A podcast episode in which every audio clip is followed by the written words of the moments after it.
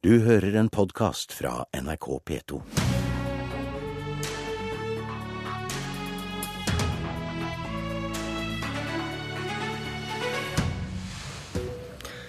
Frp vokser, og det gjør nesten alle andre innvandringskritiske partier i Europa også.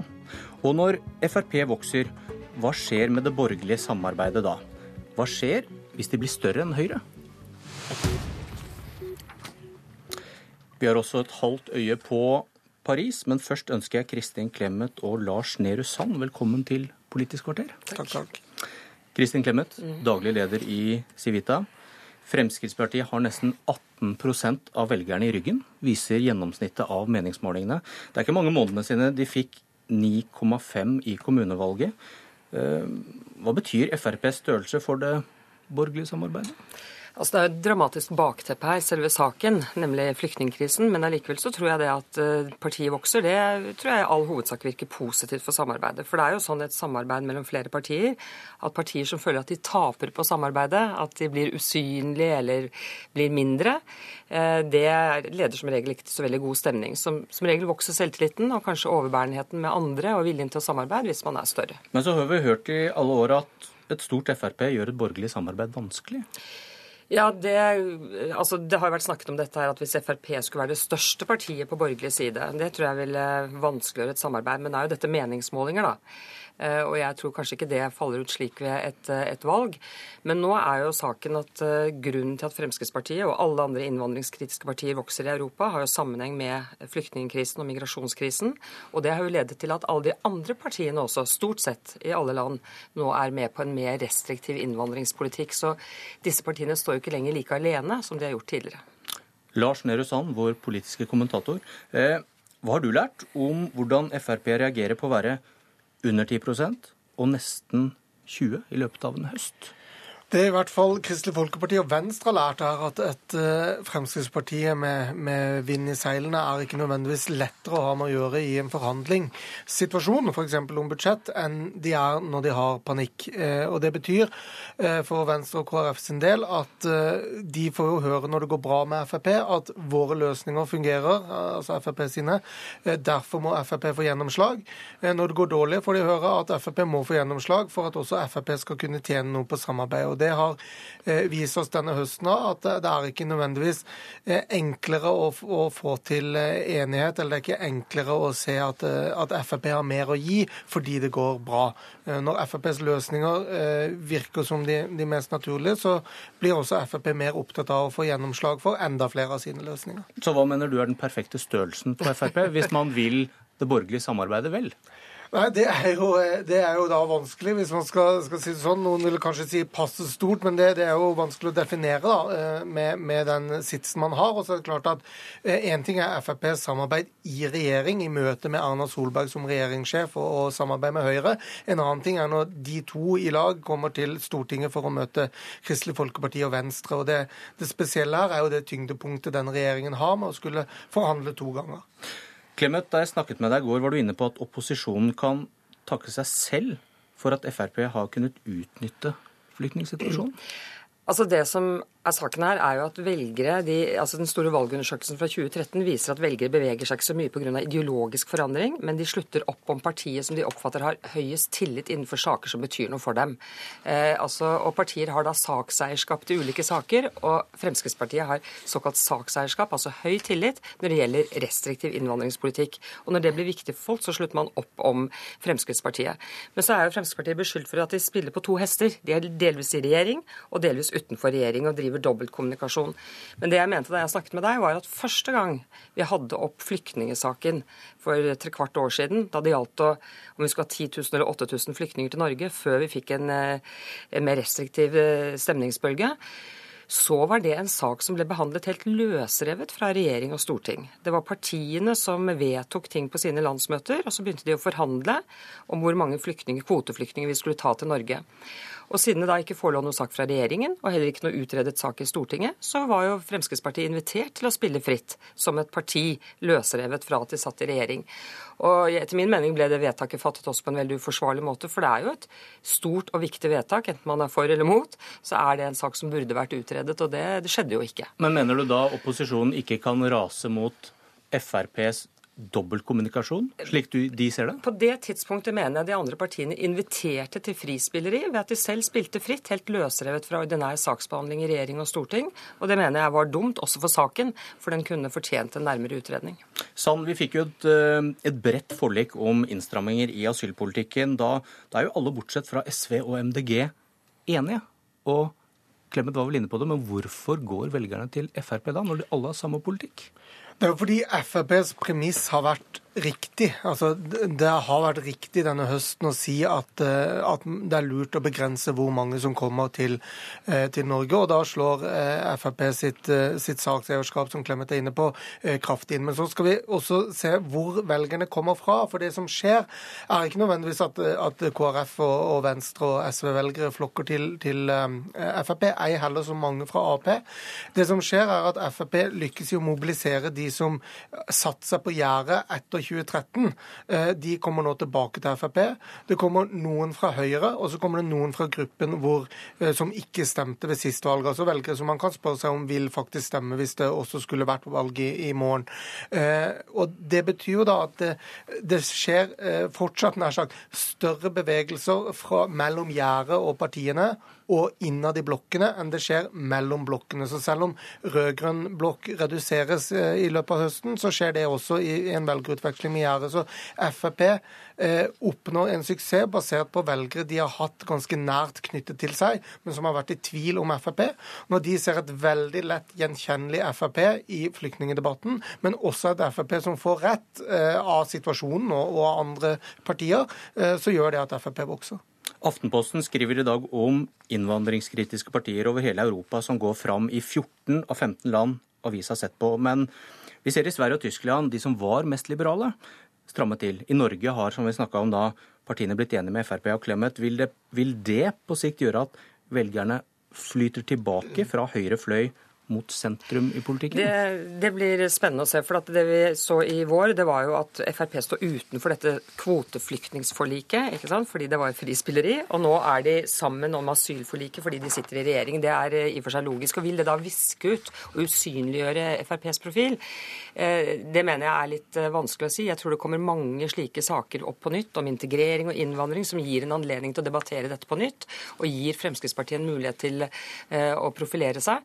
Og dessuten dessuten, som Lars Nehru Sand sa her, så er det jo ikke velgere fra andre partier, det er deres egne gjerdesittere, som nå har kommet tilbake til Fremskrittspartiet. Og de kan nok tenkes å bli der bare man eh, holder en noenlunde høy profil. Og husk på, Fremskrittspartiet sitter nå med ansvarlig for å gjennomføre denne strengere innvandringspolitikken. Og det kan jo hende velgere har tillit til at de greier det bedre enn andre. Takk. Noen vokser seg store på flyktningkrise. Ingen vokser seg særlig store på klimakrise.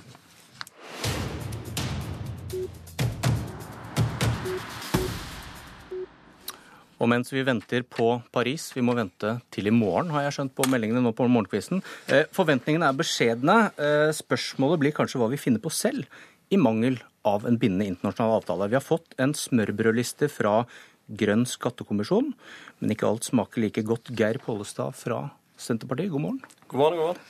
Det forurenser f.eks. For en del hvis man reiser langt til og fra jobb, men du vil beholde støtten til pendlerne likevel? Jeg tror det er viktig at de klimatiltakene som vi gjennomfører i Norge, eh, er, tar hensyn til hvilket land vi bor i. Eh, mange i Norge har lang reisevei, høye kostnader til det. Da må vi ha skatteordninger som gjør at de fortsatt har mulighet til å, til å pendle. Men så må vi jo sørge for at måten de reiser på, er mest mulig eh, miljøvennlig. Så det trenger ikke være noen motsetning mellom å ha et eh, godt pendlerfradrag og det å ha en aktiv eh, miljøpolitikk og redusere de innlandsutslippene. Guri Melby fra Venstre, hvor mener du han tar feil? Altså, hele Poenget med Grønn skattekommisjon er jo å fremme forslag som gjør det enklere for folk å velge de miljøvennlige valgene. Eh, og det som gjerne da blir utfordrende, er jo at for hver enkelt av disse endringene, om det er i et fradrag eller en avgift, så finnes det gode argumenter mot. Det, det finnes argumenter for å beholde pendlerfradraget. Eh, det finnes argumenter for at det kan være negativt for norsk matproduksjon å legge inn økte avgifter på rødt kjøtt.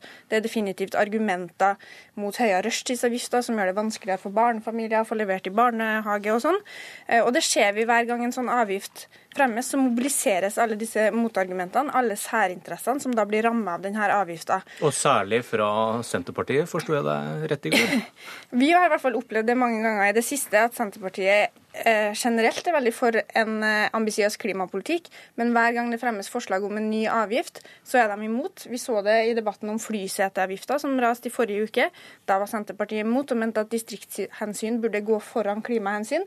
Og det samme argumentene møter vi nå på pendlerfradraget. Og spørsmålet er jo, hvis klimautfordringa er vår tids største utfordring, som de fleste partier pleier å si i alle festtaler, eh, hvorfor kan ikke da det hensynet være det som teller aller mest når vi diskuterer disse avgiftene?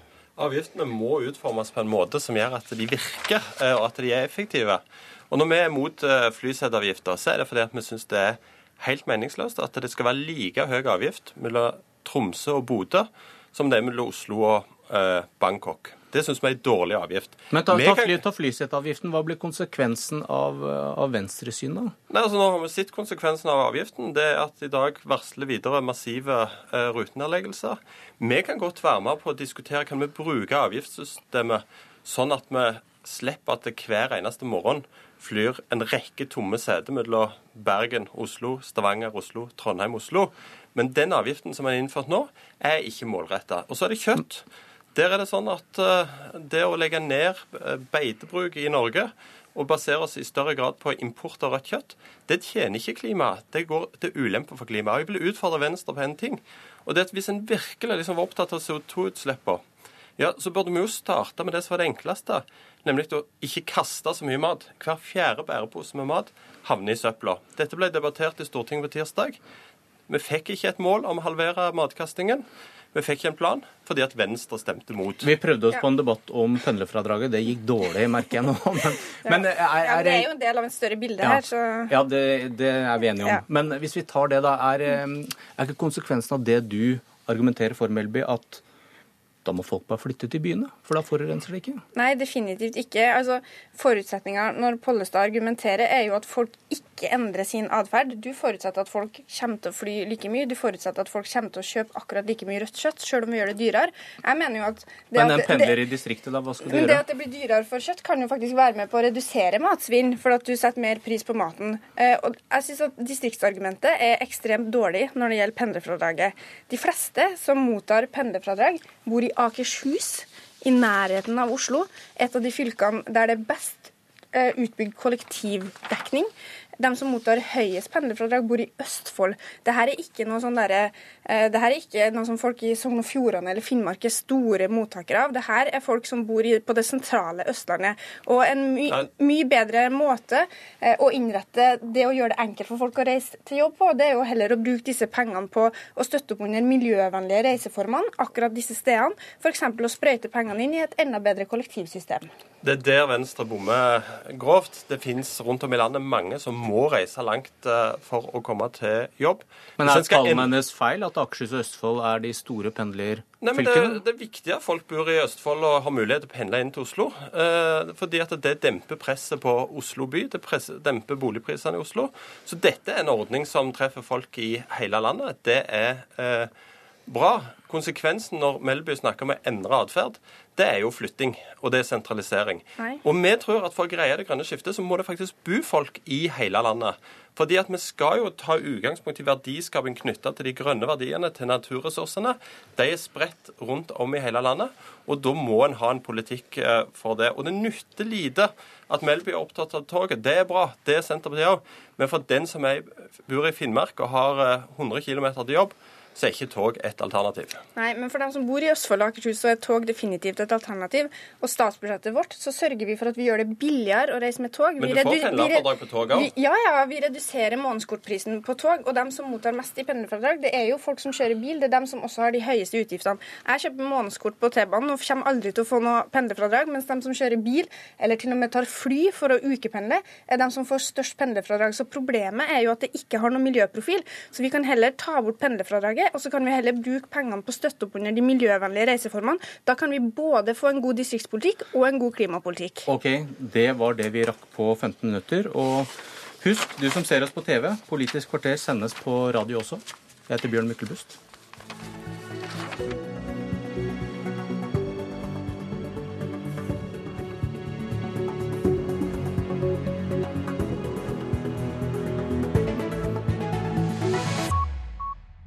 Du har hørt en podkast fra NRK P2.